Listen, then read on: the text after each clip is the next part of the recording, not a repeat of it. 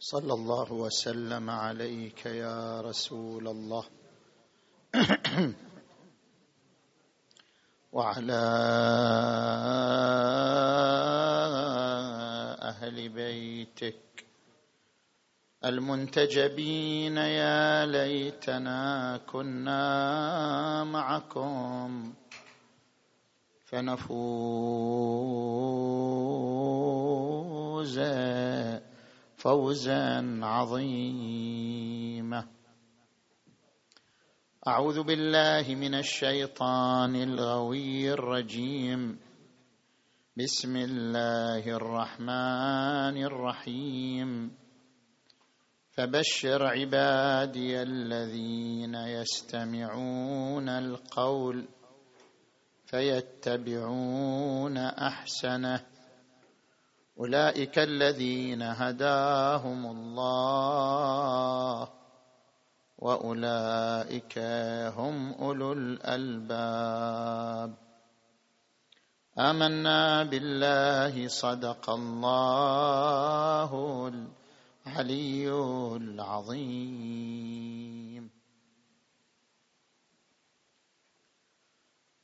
انطلاقا من الآية المباركة نتحدث في محاور ثلاثة.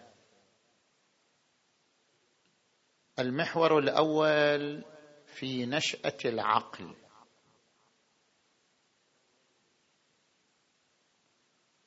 الله تبارك وتعالى خلق الروح روح الإنسان في عالم قبل هذا العالم. وهو المعبر عنه بعالم الذر. والروح في عالم الذر دورها الشهود شهود أسماء الله وصفاته شهود كبرياء الله وعظمته. ثم نزلت هذه الروح إلى عالم المادة واتصلت بالنطفة الملقحة. القرآن الكريم يرشد إلى نشأة الروح في عالم آخر قبل هذا العالم ويرشد إلى علاقة الروح بالنطفة الملقحة. عندما يقول تبارك وتعالى ولقد جئتمونا فرادا كما خلقناكم أول مرة. هذه الآية تدل على أن الإنسان خلق مرتين أول مرة وثاني مرة. ولقد جئتمونا فرادا كما خلقناكم أول مرة. أي أن هناك خلقتين مرتين مررتم بهما. مرة الأولى والمرة الثانية. في المرة الثانية ما جئتم فرادا جئتم من أب وأم. ما جاء الإنسان في المرة الثانية فرادا؟ في المرة الثانية جاء عن أب وأم عن ذكر وأنثى. يا أيها الناس إنا خلقناكم من ذكر وأنثى وجعلناكم شعوبا وقبائل لتعارفوا. هذه هي المرة الثانية. جاء من ذكر وأنثى. أما المرة الأولى هي التي جاء فيها فرادا يعني لم يكن له أب ولا أم ولا أخ ولا مجتمع ولا عشيرة خلق مفردا. في المرة الأولى خلق الإنسان مفردا بلا أب ولا أم ولا نسب ولا مجتمع.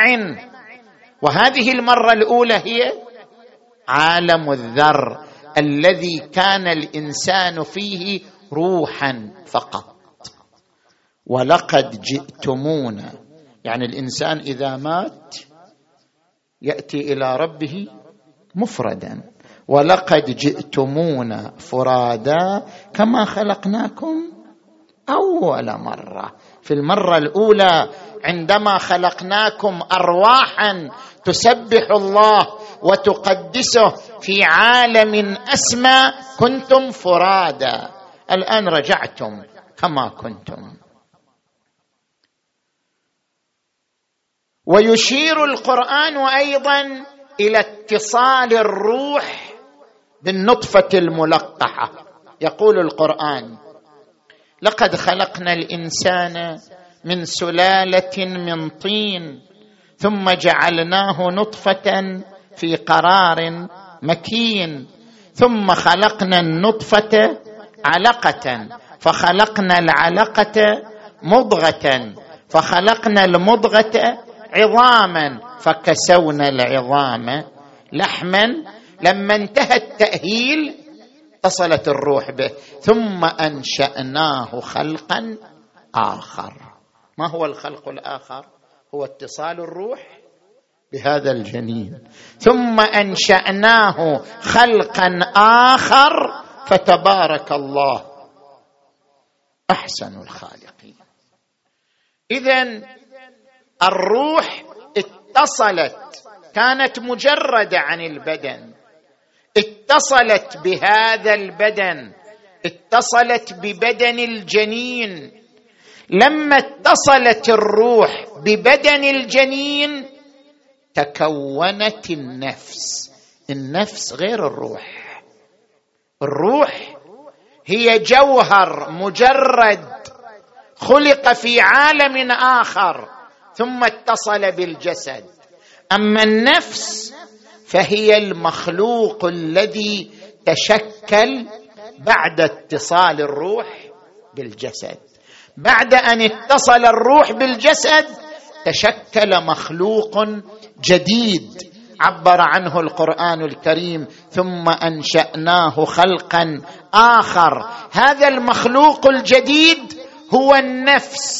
ما هو الفارق بين النفس وبين الروح؟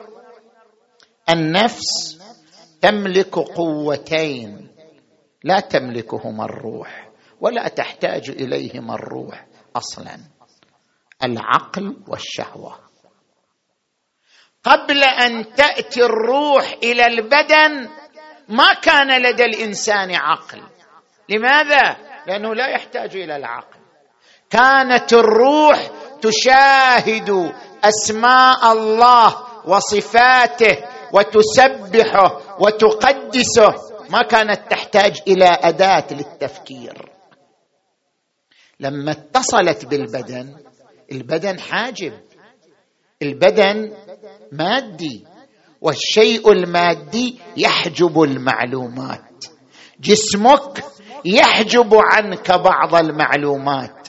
جسمك لأنه يعيش في زمن وفي مكان فهو يحجب عنك المعلومات التي وراء الزمن ووراء المكان.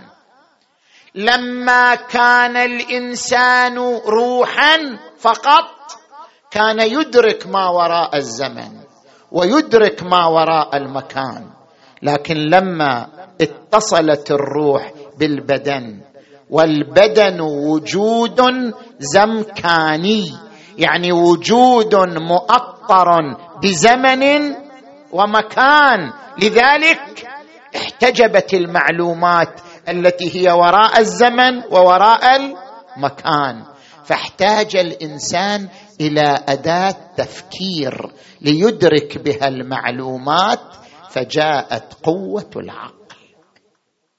العقل قوة وطاقة حصلت عليها النفس حصلت عليها الروح بعد اتصالها بالبدن. لأن بالعقل بهذه الطاقة يحتاج الإنسان إلى أن يدرك ما وراء الزمن وما وراء المكان. من هنا نشأ العقل. وهناك عنصر آخر ملكته النفس لم تكن الروح محتاجة له ألا وهو عنصر الشهوة. فالنفس مخلوق تكون من أداتين أداة لإدراك الأشياء الماورائيه يعني وراء الزمن ووراء المكان وهي العقل. وأداة للوصول إلى الأشياء الماديه وهي الشهوة. وهذا المخلوق الذي ملك الأداتين عقلا وشهوة هو النفس. لذلك القرآن الكريم يعبر عن النفس بالأمارة وما أبرئ نفسي إن النفس لأمارة بالسوء. ويعبر عن النفس باللوامة لا أقسم بيوم القيامة ولا ولا أقسم بالنفس اللوامة. زين. هذا المحور الأول من حديثنا في كيفية نشأة العقل. كيف نشأ العقل؟ طاقة التفكير عند الإنسان. نجي الآن إلى المحور الثاني. نحن نسمع كثيرا هذه المقالة التي تتداول على الألسن وهي هناك تعارض بين الدين والعقل. الدين يصطدم مع العقل في عدة قضايا. هل هذه المقالة صحيحة؟ أن الدين يصطدم مع العقل؟ حتى نعرف أن هذه المقالة صحيحة أم لا لابد أن نعرف ما هو الدين.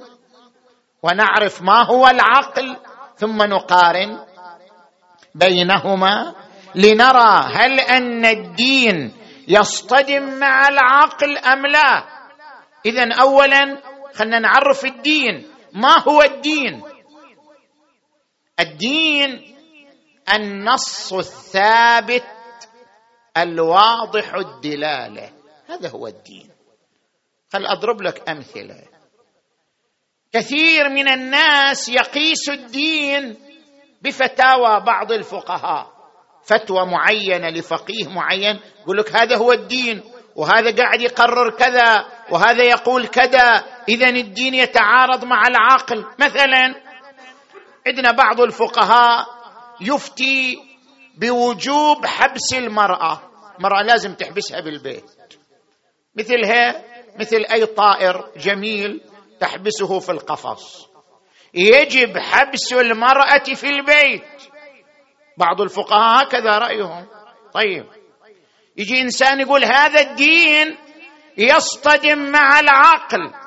المرأة إنسان عاقل عامل فاعل يساهم في بناء الحضارة. كيف الدين يأمر بحبسه؟ كأي بلبل جميل يحبس في القفص. زين؟ طيب انت الآن أخذت الدين من فتوى بعض الفقهاء. فتوى الفقيه شيء والدين شيء آخر. فتوى الفقيه هي ما يفهمه الفقيه من النصوص القرآنية أو المعصومية. فهم الفقيه للدين غير نفس الدين. انت جاي تقيس الدين على ما يفهمه بعض الفقهاء من النصوص. لا هذا ليس هو الدين. هذا وظيفة عملية يحددها الفقيه من خلال فهمه للنصوص وليس هذا هو واقع الدين. أضرب لك مثال آخر. يجينا نص مثلا ورد عن الإمام علي عليه السلام لا تتزوج الأكراد. فإنهم حي من الجن. دير بالك ها من الجن. كشف عنهم الغطاء. واحد من يجي إلى هذه الرواية يقول لك طيب هذا هذا دين. وهذا الدين يميز بين الشعوب. يعني هذا الدين منطقه منطق عنصري. لأنه يميز بين الشعوب. يحتقر العنصر الكردي مثلا ويثمن العنصر العربي. لا تتزوج الأكراد فإنهم حي من الجن. نقول له لا هذه رواية. والرواية إذا لم تكن قطعية لا نستطيع أن نقول هي الدين. هذه رواية. ولذلك بعض العلماء لا يقبل مثل هذه الرواية. سيد محمد باقر الصدر قدس سره. السيد السيستاني دام ظله يرفضون مدلول هذه الرواية. يقولون هذه الرواية لا يعمل بها لأنها تتنافى مع الكتاب الكريم. ولقد كرمنا بني آدم وقال تبارك وتعالى وجعلناكم شعوبا وقبائل لتعارفوا إن أكرمكم عند الله. أتقاكم. تجي مثلا إلى رواية أخرى أضرب لك أمثلة. مثلا هذه الرواية إذا رأيتم أهل البدع من بعدي عن النبي صلى الله عليه وآله. فباهتوهم واكثروا الوقيعة فيهم. إذا تشوفوا المبتدعين باهتوهم اكثروا الوقيعة فيهم. مثل السيد السيستاني دام ظله يقول إذا المباهته بمعنى الكذب هذه الرواية لا يؤخذ بها. هذه تتنافى مع الكتاب. كون هذا الإنسان مبتدع أو كون هذا الإنسان ظالم لا يبرر أن نكذب عليه وأن نبهته. كون ظالم شيء وأن هذا مبرر إلى أن نتعامل معه بالكذب والبهتان هذا شيء آخر. ولا يجرمنكم شنآن قوم على أن لا تعدلوا اعدلوا. هو أقرب للتقوى. اذا ليست كل رواية تمثل الدين. هذه رواية إذا كان مدلولها منافيا للكتاب لا يؤخذ بمدلولها. وقد تأتيك أو يأتيك نص قطعي لكن مدلوله غير واضح. مثلا قوله تعالى إنما المشركون نجس فلا يقربوا المسجد الحرام. بعد عامهم هذا. يجي إنسان يقول طيب هذه الآية تقول المشركون نجس. طيب شنو الفرق بين جسم المشرك وجسم المسلم؟ هذا الخلايا هي نفس الخلايا. العناصر هي نفس العناصر. ليش جسم المشرك نجس؟ جسم المسلم طاهر. هذا شيء أنا لا يقبله عقلي. زين. أنت فسرت النجاسة الآن بتفسير. بينما الفقهاء يختلفون في معنى النجاسة في الآية. إنما المشركون نجس. بعضهم فسر النجاسة بالقذارة البدنية يعني جسمه نجس. بعضهم يفسر النجاسة بالقذارة المعنوية القذارة الروحية. يعني المشرك يحمل في قلبه قذارة روحية لأن الشرك قذارة في حد ذاته. إنما المشركون نجس. المراد بالنجاسة القذارة الروحية وليس القذارة المادية. اذا هذا النص القرآني وإن كان نصا ثابتا لكن مدلوله غير واضح مختلف فيه. الدين حتى نقول هذا دين الدين هو النص الثابت الواضح. إذا عندك نص ثابت واضح فهذا هو الدين. حينئذ احكم على مدلوله. هل هو منسجم مع العقل أم مخالف للعقل؟ نجي مثلا إلى قوله عز وجل وقالوا إنما البيع مثل الربا وأحل الله البيع. وحرم الربا. هذا بعد ما في كلام هذا دين. ليش؟ نص ثابت لأنه نص قرآني وواضح. واضح بكل وضوح أن البيع حلال والربا حرام. هذا واضح. هل هذا المدلول الواضح الذي نسميه دين لأنه نص ثابت واضح هل هذا يتنافى مع العقل؟ هل هذا يتعارض مع العقل؟ ربما إنسان يجي يقول نعم تعارض مع العقل. لأنه قاعد يقول الربا حرام يعني أخذ الفائدة على القرض حرام. بينما المقرض يأخذ الفائدة مقابل تجميد أمواله. يعني أنا من أعطيك مئة ألف لمدة سنة. مئة ألف قاعد أجمد أموالي قاعد أجمد من أموالي مئة ألف بدون حراك بدون تجارة لمدة سنة كاملة. فأنا مقابل تجميد أموالي لمدة سنة أخذ ربحا أخذ عليك فائدة مئة بمئة وخمسة مثلا. هذه الخمسة مقابل تجميد المال عن الحركة التجارية لمدة سنة. فليش الإسلام يحرم الفائدة؟ مع أنها مقابل تجميد المال عن الحراك لمدة سنة. ليش ياخذ الفائدة مق... لماذا يحرم الفائدة؟ فيقول أحل الله البيع وحرم الربا.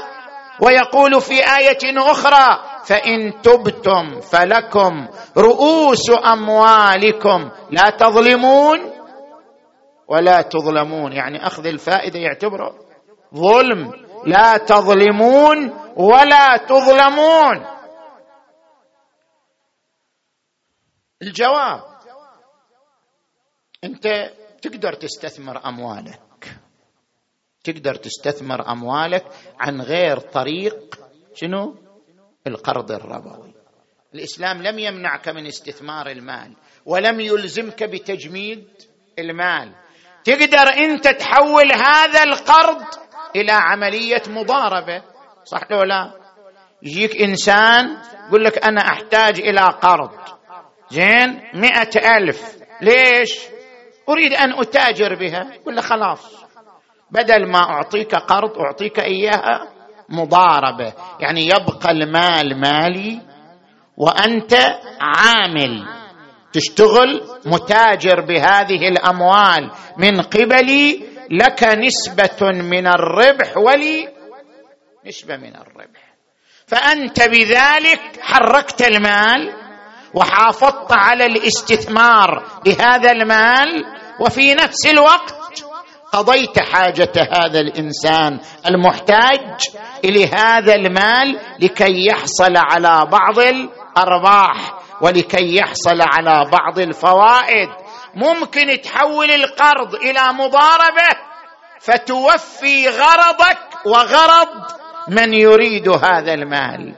أنت مو متوقف الاستثمار على القرض حتى تقول ليش الإسلام يمنعني من الاستثمار وليش يلزمني بتجميد المال؟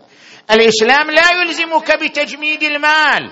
يقول لك بإمكانك تحريك المال تجاريا عن طريق تحويل معاملة القرض إلى معاملة مضاربة. وإنت مرتاح وتجيك الأرباح من أموالك وإنت مرتاح من دون حرج ولا ضرر.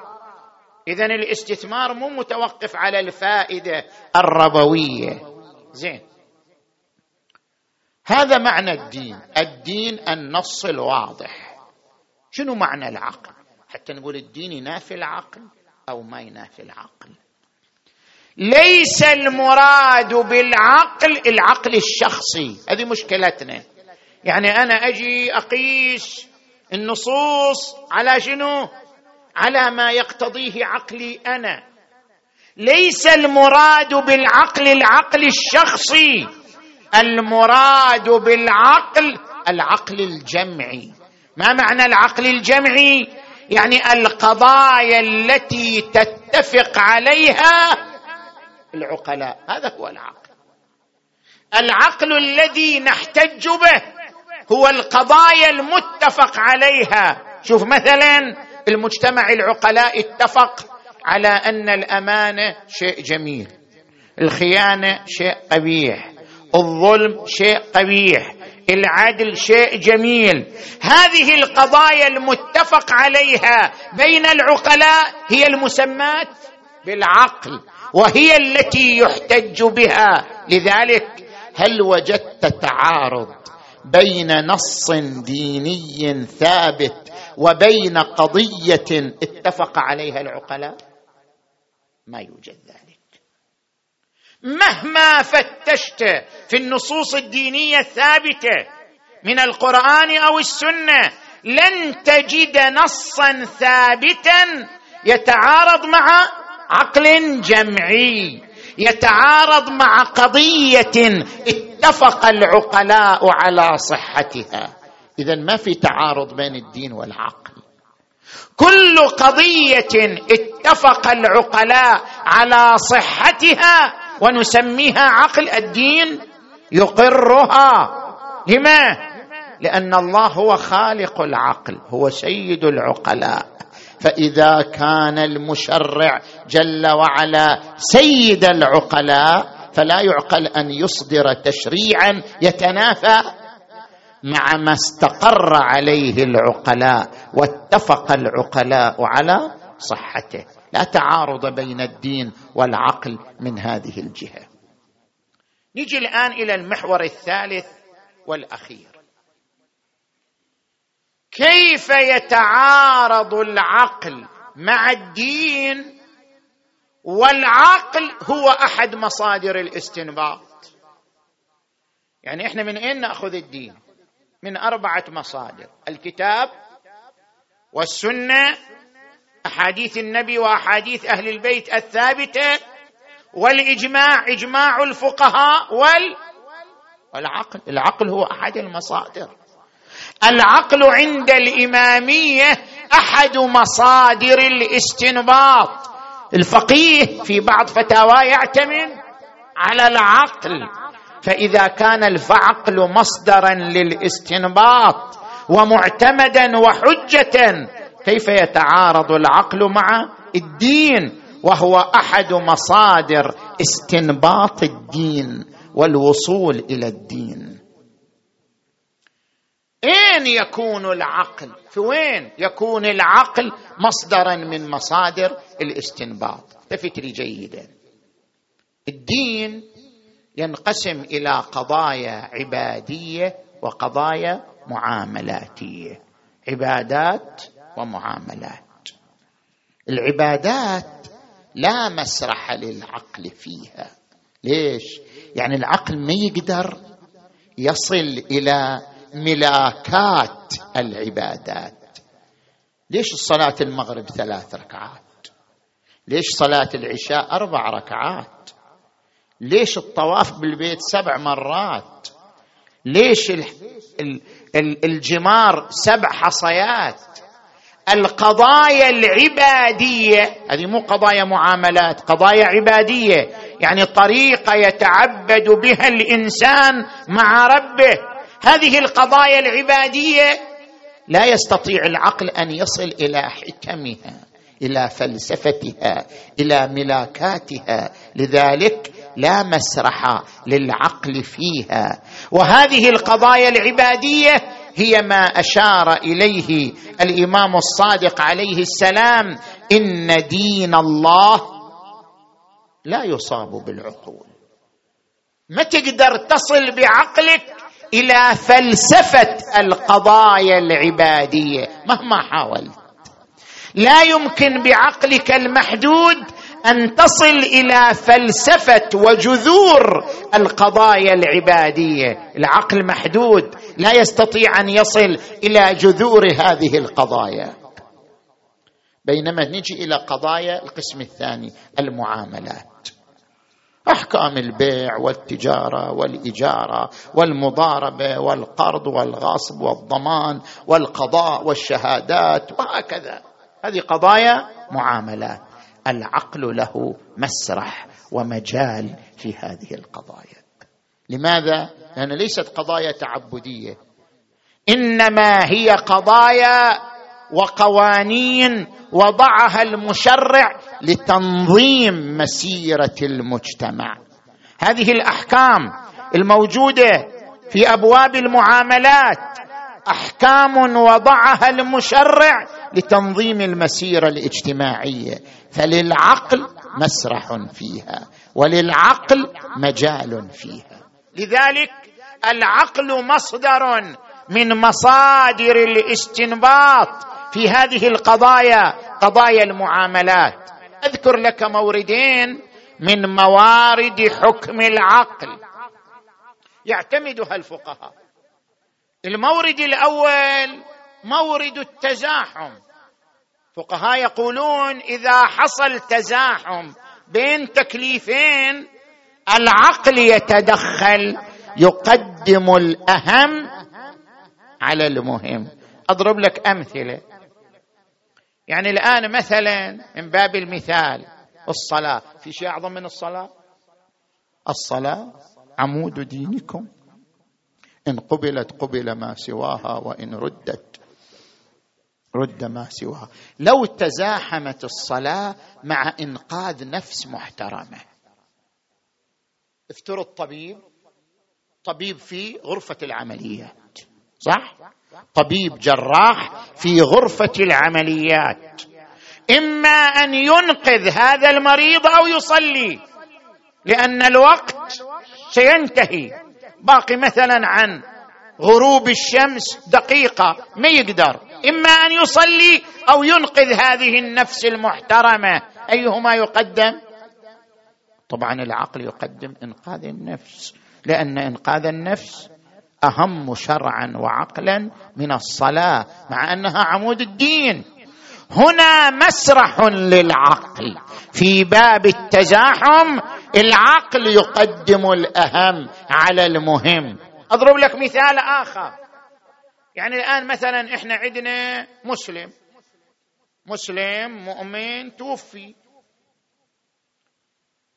هل يجوز تشريح بدنه بدون داعي بدون مبرر؟ طبعا لا يجوز لأن تشريح بدنه تصرف في بدنه والتصرف في بدنه كما ورد عن النبي صلى الله عليه وآله إن حرمة المؤمن ميتا كحرمته حيا تماما.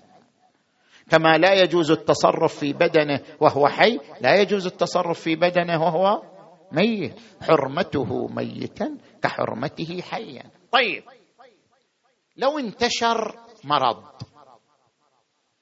واحتمل طبيب أن بتشريح جسم هذا المسلم سنكتشف المرض سنكتشف الوباء. يجوز أم لا؟ يجوز.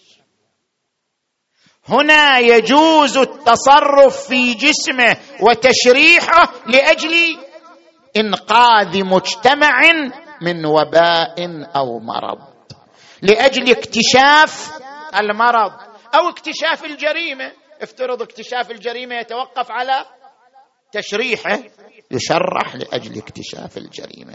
فالعقل في موارد التزاحم يقدم الأهم على المهم.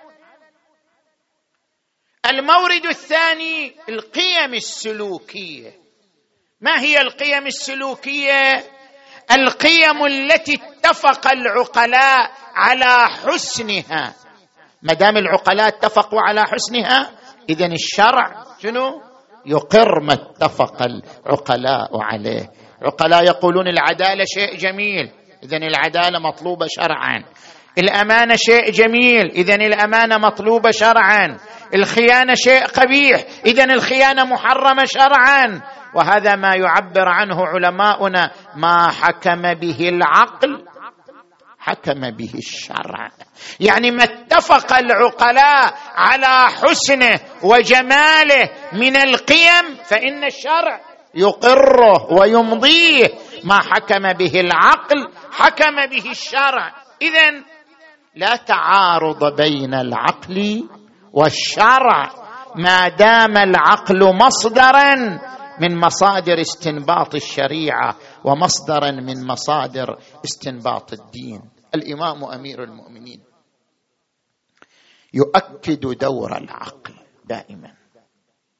يقول فبعث فيهم أنبياءه فبعث فيهم يعني في المجتمع البشري فبعث فيهم رسله وواتر أنبياءه ليستأدوهم ميثاق فطرته ويذكروهم منسي نعمته وليثيروا دفائن العقول. العقل فيه دفائن الأنبياء يثيرون هذه الدفائن. يعني يريد أن يقول الإمام علي عليه السلام الدين والعقل يكمل بعضهما بعضا. ما جاء الدين ليعارض العقل جاء الدين ليثير دفائن العقل. العقل فيه طاقات كامنة الدين يثيرها ويحركها وليثير دفائن العقول. الإمام أمير المؤمنين كيف واجه الفتنة؟ في زمان حدثت فتنة فتنة الخوارج الذين قالوا الحكم لله لا لعلي ولا لمعاوية. وواجهوا الإمام عليا يوم صفين وحاربهم الإمام علي عليه السلام يوم النهروان وشكلوا فتنة كبيرة في وسط جيش الإمام علي. قسم جيش الإمام علي إلى قسمين. كيف تعامل الإمام علي مع هذه الفتنة؟ تعامل بمنطق العقل. كان يقول اعرف الرجال بالحق ولا تعرف الحق بالرجال. كان يقول لهم لا تأخذوا الحق من الرجل. شوفوا رجل مقدس يقول الحق معه. الحق ما ورد في النصوص القرآنية والنبوية. أنت عليك أن تقيس الرجل على النصوص لا أن تقيس النصوص على الرجل. اعرفوا الرجال بالحق ولا تعرفوا الحق بالرجال. عليكم أن تميزوا الرجال من خلال مقارنتهم بهذه النصوص الواردة في القرآن والسنة وليس العكس. هكذا واجه الإمام عليه السلام الفتنة بفصل حاسم. الإمام أمير المؤمنين علي عليه السلام. حتى بعد جرحه في المحراب. يتعامل بمنطق العقل. ربما إنسان يقول ليش؟ ما هي الحكمة أن الله أخر موت الإمام علي يومين بعد جرحه؟ مع أن الضربة كانت قاضية. لو إنسان غيره لا. من كرامات الإمام أمير المؤمنين أنه ما فقد الوعي. وإلا هذه الضربة أقل آثارها شنو؟ دخول الإنسان في غيبوبة. ضربة سيف تصل إلى الدماغ أقل آثارها أن يدخل الإنسان في غيبوبة. أما الإمام علي فقد كان واعيا بعد الضربة وقال فزت ورب الكعبة. قتلني ابن ملجم. ما فقد وعيه رغم شدة الضربة. هذا من كراماته عليه السلام. لعل الحكمة في تأخير موته أنه ما مات من نفس الضربة مات بعد يومين حتى يعلم المسلمين كيف يتعاملون مع المجرم. ما في مجرم أعظم من ابن ملجم. قام بجريمة نكراء قتل سيد الموحدين. لكن الإمام علي أراد أن يعلم الأمة كيف يتعامل مع المجرم. قال إن عشت فأنا أولى الناس به. أنا أعرف أتصرف وياه. وإن مت فضربة بضربة ولا تمثلوا بالرجل. فإن رسول الله صلى الله عليه وآله قال لا تمثلوا بالمشر لا تمثلوا ولو بالكلب العقور. وقال طيبوا مطعمه ومشربه. اعطوه افضل الطعام. اسقوه افضل الشراب. ارفقوا به ولا تعجلوا عليه. شوف وصايا هو مجرم. يقول عليكم تعاملوا بالرفق. إذا يريد يطلع لا تعجلوا به. يقول يلا اطلع يلا ادخل لا لا ابدا ابدا. تعاملوا معه بالرفق ولا تعجلوا عليه في شيء. اطلاقا. أراد أن يعلم الأمة الإسلامية منطق العقل ومنطق الأدب الإنساني ومنطق الرحمة الإنسانية حتى بهذا الإنسان المجرم الذي ارتكب أعظم جرم في حقه وفي حق الأمة الإسلامية. سلام الله عليك يا أبا الحسن. سلام الله عليك يا أمير المؤمنين.